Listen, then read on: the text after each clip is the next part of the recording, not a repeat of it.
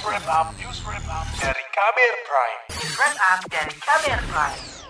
Dalam rapat dengan Komisi Perdagangan DPR pekan lalu, Menteri Perdagangan Muhammad Lutfi mengeluh tidak berdaya menghadapi pelaku penyimpangan distribusi minyak goreng yang mestinya diperuntukkan bagi masyarakat. Peraturan yang ada dianggap masih kurang untuk menghadapi mereka. Kementerian Perdagangan tidak bisa melawan penyimpangan-penyimpangan tersebut. Jadi begitu kita bicara dengan Satgas Pangan pertama kali, yang dipunyai oleh uh, oleh Kementerian Perdagangan pasalnya ada dua, yaitu Undang-Undang Pasal kalau tidak saya salah saya Undang-Undang Nomor 7 dan Undang-Undang Nomor 8, tetapi cangkokannya itu kurang untuk bisa mendapatkan daripada mafia-mafia dan spekulan-spekulan ini. Menteri Perdagangan Muhammad Lutfi mencontohkan ada tiga daerah yakni Jakarta, Jawa Timur, dan Sumatera Utara yang mestinya memiliki stok minyak goreng melimpah. Namun, di daerah itu minyak goreng justru langka akibat ulah mafia dan spekulan. Lutfi mengklaim sudah memiliki data mafia dan spekulan, dan dia sudah berkoordinasi dengan Satgas Pangan di kepolisian. Saat itu dia berjanji akan membuka ke publik nama tersangka pada Senin 21 Maret. Namun hingga hari ini nama-nama itu tak kunjung muncul. Sementara itu, juru bicara Mabes Polri Ahmad Ramadan mengatakan belum mendapat informasi mengenai perkembangan penetapan tersangka mafia minyak goreng. Nah, sampai saat ini kami belum mendapat respon apakah uh, Satgas Pangan ataupun di Exus masih melakukan melakukan penelusuran ya ataupun cross check ya. Pak, Jadi, ini termasuk uh, ini Pak dari pernyataan Kemendak Pak. Ya tentu kita harus menjawab ya hmm. karena itu pernyataan seorang pejabat. Namun kami sudah komunikasi namun uh, belum mendapat respon. Sejumlah pihak ragu mengenai keberadaan mafia minyak goreng.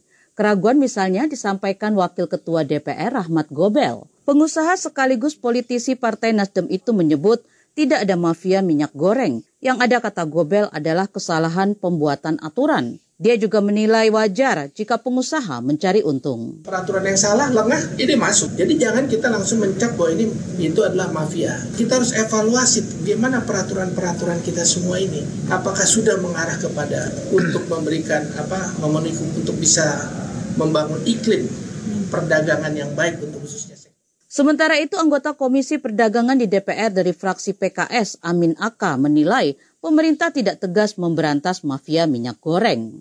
Pak Menteri itu menyampaikan kan di rapat, ya mafia ini jahat, segala macam itu. Dia perhatikan pemerintah menyerah. Dan itu kan nggak boleh terjadi. Kenapa nggak boleh terjadi? Pemerintah itu punya power, dan powernya itu full. Punya otoritas, punya kekuasaan, punya semua instrumen ya untuk menegakkan konstitusi, untuk melaksanakan konstitusi gitu. Selain Mendak, Menteri Perdagangan kan juga ada Satgas Pangan, di dalamnya ada Menteri Pertanian, di dalamnya ada juga kepolisian. Dan itu dari atas ya, pusat sampai ke daerah gitu.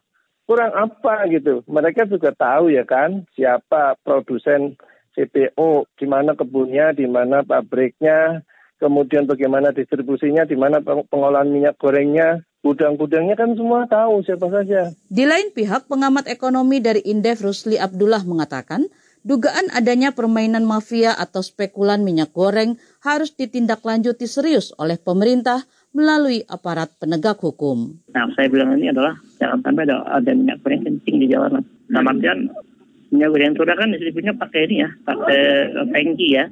Iya. Tangki, kalau dia kencing di jalan, di, dimasukin di gudang kemudian dialokasikan untuk satu industri kan nggak benar kan. Rusli Abdullah juga mempertanyakan munculnya minyak goreng kemasan dengan merek dadakan yang sebelumnya tidak pernah ada. Dia mencurigai itu adalah minyak goreng curah bersubsidi yang dilepas ke pasar sebagai kemasan sehingga harganya lebih tinggi.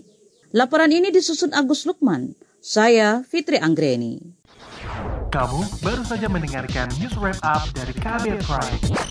Dengarkan terus kabelprime.id, podcast for curious mind.